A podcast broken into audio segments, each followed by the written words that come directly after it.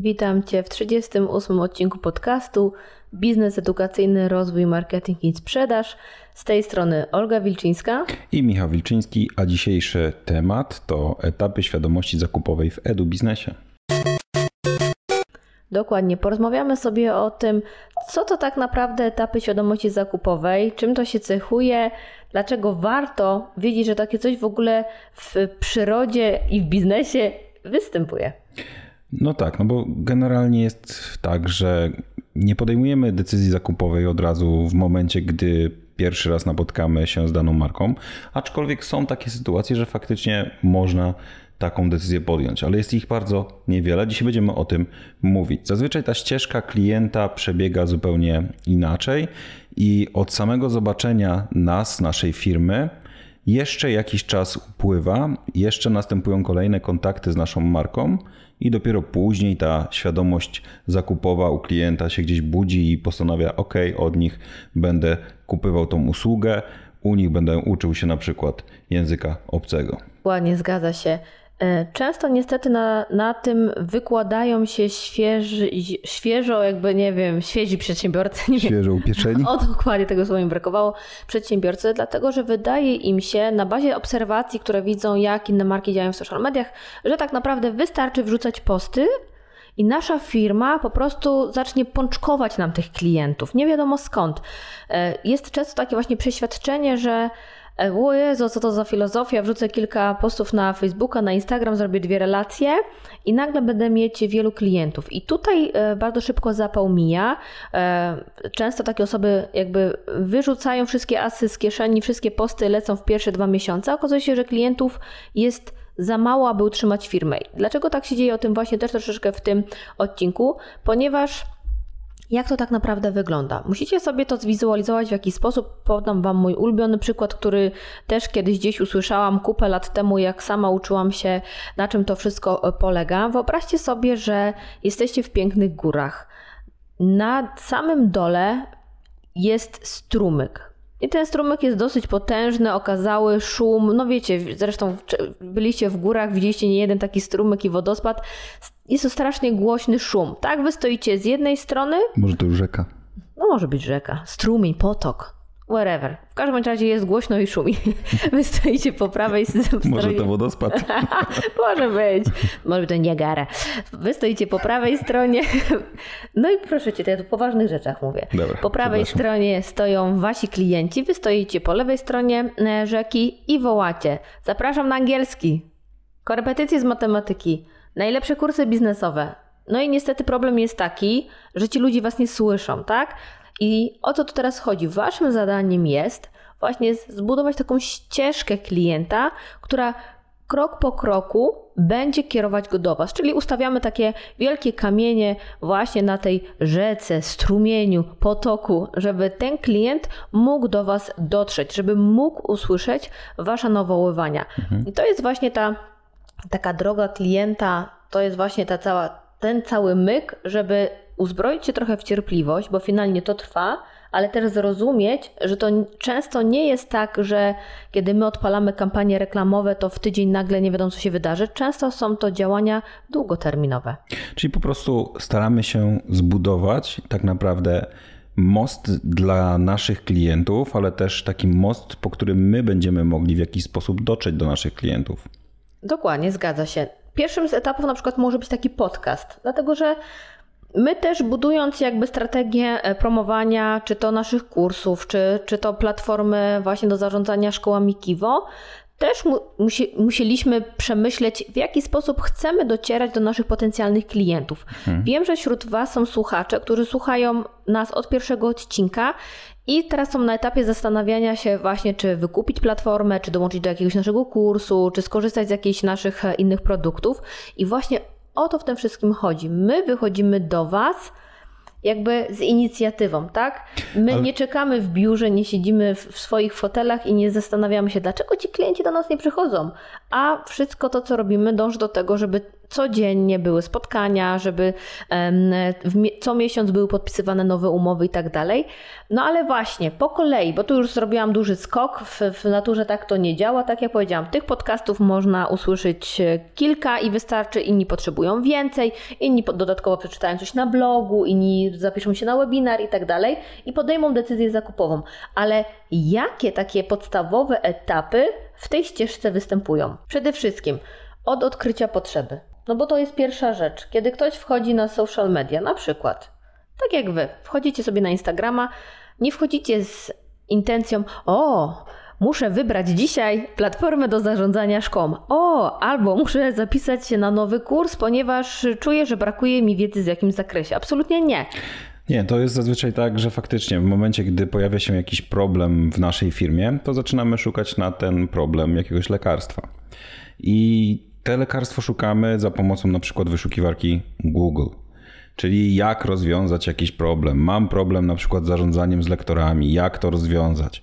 Nie pozyskuję jakiejś wystarczającej liczby klientów, żeby zaspokoić e, moich potrzeby moich pracowników, tak? Czyli Czy na przykład firmy. mojej firmy, tak, bo mam jakieś zyski do wypracowania, a niestety nie udało mi się ich osiągnąć, więc szukam gdzieś winy w tym, że mój e, trybik w mojej firmie nie, nie funkcjonuje odpowiednio, więc zaczynam googlować rozwiązanie na ten temat, jak pozyskać na przykład 50 klientów każdego miesiąca. Mhm, na przykład.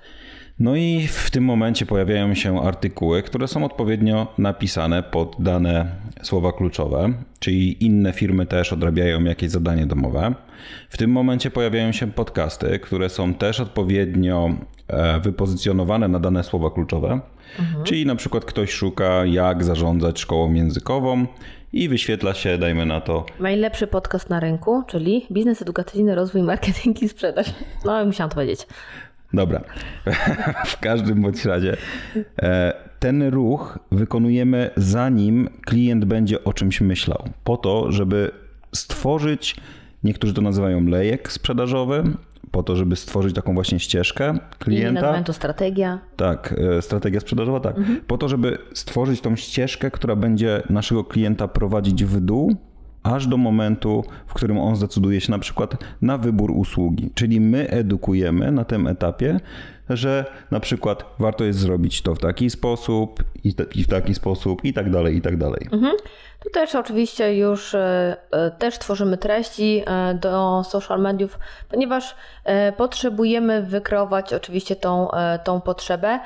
Kolejna rzecz to też jest dać rozwiązanie na tą potrzebę. Jak wykreowaliśmy potrzeby, że ktoś potrzebuje pozyskiwać 50 klientów miesięcznie do swojej firmy, to jak już ktoś czuje, że ma taką potrzebę, zrozumiał, usłyszał to gdzieś w podcaście, no to teraz my musimy dać możliwość rozwiązać i zaspokoić tą potrzebę. Tak, nie ma nic gorszego niż po prostu wykreować potrzebę Wykreowa... i powiedzieć, okej, okay, radź sobie, piąteczka. Albo powiedzieć, tak, mam lekarstwo na, na ten ból, który posiadasz, ale ci go nie dam, nie zdradzę ci go. Dokładnie, zgadza się. Także tutaj oczywiście też e, promujemy swoją usługę, która jest właśnie jakby kompendium na te potrzeby.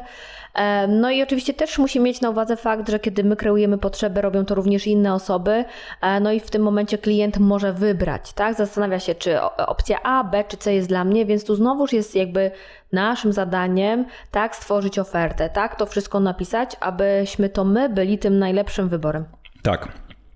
Uważam, że to jest bardzo ważne, co powiedziałaś, o, że klient może wybrać, ale my, jako przedsiębiorcy, w jakimś e, okresie, który prowadzimy swoją firmę, też już możemy wybierać, czy my chcemy obsługiwać danego klienta, czy nie chcemy obsługiwać danego klienta. Czyli i klient może wybierać, i my jako przedsiębiorcy też możemy wybierać, bo pamiętajmy o tym, z jaką potrzebą zakładaliśmy na przykład swoją firmę. Czy to było po to, żeby obsługiwać każdą jedną osobę na rynku, czy to było po to, żeby jakby marnować też czas na klientów, na których czasu marnować nie powinniśmy. Mhm. Ja uważam, że bardzo ważne jest to, już jakby po pewnym czasie wprowadzenia firmy, bo wiadomo, że na samym początku, gdy my zaczynamy, startujemy firmę od 0 zł, to takiego wyboru zazwyczaj nie mamy, bo po prostu bierzemy każdą jedną osobę i w momencie, kiedy zbudujemy już portfel klienta, to wtedy powinniśmy podjąć taką męską decyzję, można by było powiedzieć, mhm. że okay, od dzisiaj będę skupiał się tylko i wyłącznie na klientach, którzy są podobni do tych klientów, których mam w tej firmie mojej. Mhm. Ja tu może od razu zapowiem, że w kolejnym odcinku będziemy dużo więcej na ten temat mówić, a dzisiaj jeszcze takim lekkim ślizgiem przejdziemy dalej do głównego wątku, więc to też taka mała zapowiedź, że e, za tydzień usłyszycie podcast, w którym będziemy sporo mówić też właśnie o tych, o tych aspektach. Więc lecimy dalej. Myślę, że dobrze jest pewną rzecz też uświadomić, jeżeli chodzi o tą ścieżkę zakupową, jak ona wygląda. Tak jak wiecie, ta ścieżka, ścieżka jest długa. Tak, ma tam ileś tam odcinków, e, którą nasz potencjalny klient może przebyć. Część odpadnie już po pierwszym kontakcie i tak coraz mniej, coraz mniej tych ludzi będzie tam dążyło tą naszą ścieżką i to jest turbonormalne. Absolutnie to jest normalne, że zawsze najłatwiej jest nam zrobić zasięg do dużej liczby osób. E, no i cała ta magia polega na tym, żeby jak największą liczbę ty, y, z tych osób zainteresować, żeby podążało za nami dalej. I tutaj taka mała, szybka statystyka. Myślę, że przejdziemy przez nią w miarę szybko. E, jaki jest procent sprzedaży w stosunku do ilości kontaktów, styku z marką? Więc 2% sprzedaży dokonujemy po pierwszym kontakcie z marką. Tu bym się raczej dopatrywał tego, że faktycznie to są takie zakupy typu widzę pierwszy raz na przykład jakiś sklep internetowy, mhm. który coś sprzedaje mhm. i może coś u niego kupię. Tak, oczywiście. W tym sklepie. Mhm. Ale mało. Ja teraz tak zaczęłam analizować siebie. E, po raz czwarty w życiu przebijam uszy i szukam kolczyków. Przebuszowałam na Instagramie chyba wszystkie możliwe e, e, sklepy i powiem Wam szczerze, że u nikogo nie kupiłam od razu. Śledzą mnie reklamy, chyba pół Polski mnie śledzi, e, mhm. jeżeli chodzi o biżuterię, ale nie potrafiłam e, tak ad hoc kupić z pierwszego lepszego, jakby wiesz, wiesz o co chodzi. Mhm. Myślę, że naprawdę to musi być cud. Ja uważam, że to nie jest łatwe. To, to musi być naprawdę też dobrze skonstruowany lejek sprzedażowy przy pierwszym kontakcie z marką. Uważam, łatwość zakupu i też profesjonalnie wykonane pewne elementy, które wzbudzą. Wizualizacja, opis. Które wzbudzą mhm. w nas od razu zaufanie dla tego sklepu. Tak? Mhm. To, to, to są te elementy, które pozwalają nam zwiększyć tą no przewagę. Mhm. No dobrze, 3% sprzedaży dokonujemy po drugim kontakcie, 5% sprzedaży dokonujemy po trzecim kontakcie, 10% sprzedaży dokonuje się po czwartym kontakcie.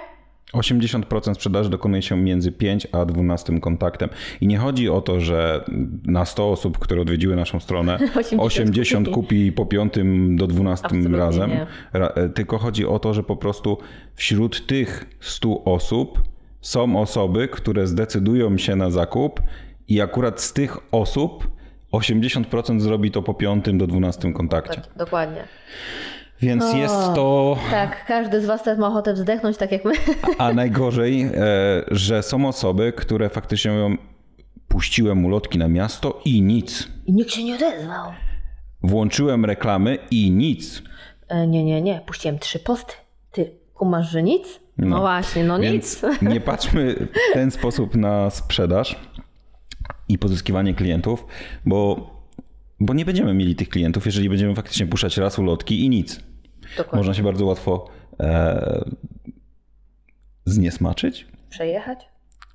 Zniechęcić? To trochę jak, na, jak pójdziesz na, z chodzeniem na siłownię, nie? Idziesz Dobrze. raz i nic. Nie, podąż, nie podążajmy tą ścieżką. nie jest dobry przykład. Absolutnie nie.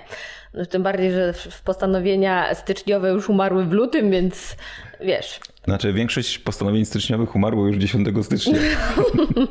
no dobrze, dlaczego to jest istotne dla, y, dla Ciebie, aby Twoja firma miała opracowaną strategię obecności w internecie, którą będziesz realizować przede wszystkim poprzez dostarczanie dobrych treści, dobrze zaplanowanych. Nie, ja, ja ogólnie wyzna... nie, kiedyś Kupę lat temu wyznawałam motto, że trzeba orać sobą pole, żeby mieć efekty ze swojej pracy. To było najgorsze, co mogłam myśleć i robić. Teraz uważam, że trzeba pracować mądrze. Zdecydowanie wolę robić mniej, ale dobrze przemyślanych i zaplanowanych rzeczy, niż robić turbo dużo pierdół, które finalnie nie prowadzą do niczego, albo bynajmniej ja nawet nie potrafię tego zmierzyć, do czego to prowadzi, więc zdecydowanie trzeba to dobrze wszystko przemyśleć, dopasować strategię działania, wszystko pod Twoją markę, pod swoje możliwości, pod swój zespół. No jak coś jest niemierzalne, to można by było powiedzieć, że jest niedelegowalne, no bo jak to potem sprawdzić? No, dokładnie. Absolutnie nie lubimy robić takich rzeczy i tobie też nie polecamy, więc zdecydowanie ważnym jest, żeby wszystko to, co zaplanujecie na nowy rok szkolny w swoim biznesie czy na nowy sezon, było mądre, dobrze przemyślane, żeby nie kosztowało to ciebie x godzin czasu zmarnowanych na tworzenie dziwnych treści. Przede wszystkim, żeby się nie stresować, żeby dobrze to wszystko zadziałało, żeby to dobrze trybiło. My y, już dziś zapraszamy Ciebie na szkolenie płatne. Płatne szkolenie, które odbędzie się w maju, jest to szkolenie przewidziane dla osób, które chciałyby poznać takie cztery główne strategie pozyskiwania klientów właśnie przez biznes edukacyjne stacjonarny i online.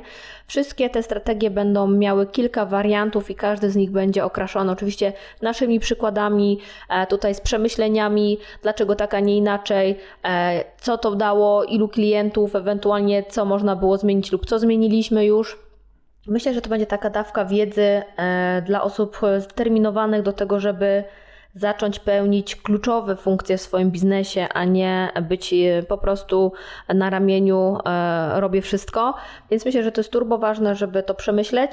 E, samo szkolenie odbędzie się w online, będzie to poniedziałek, bo co mówię, będzie to sobota, sobota rano, więc myślę, że każdy będzie mógł wziąć udział.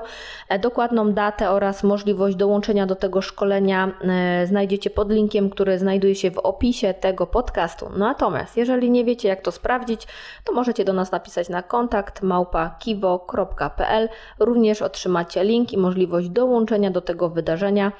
Myślę, że warto, tym bardziej, że to jest taki dobry czas, żeby już teraz myśleć o tym, co mogę zrobić, aby mieć więcej klientów już w przyszłym roku. E, a dla osób, które działają w online, to nawet na zasadzie, co mogę zrobić, żeby już w czerwcu mieć więcej klientów, później w lipcu i jakby online'owcy mogą to powtarzać co miesiąc, osoby działające stacjonarnie. Też mogłyby to po, po... Mogłyby, ale dużo osób jednak decyduje się na takie dwa główne okienka w roku. Pierwsze okienko mhm. nam się zbliża, więc myślę, że to też jest ten czas, kiedy to warto zaplanować. My oczywiście chętnie Ci w tym e, pomożemy. Na dziś to wszystko. Słyszymy się już niedługo w kolejnym odcinku. Porozmawiamy o kuli śnieżnej, o wskaźnikach niefinansowych, które prognozują nam, czy przyszły rok będzie dobrym rokiem. No to co? Do usłyszenia. Do usłyszenia.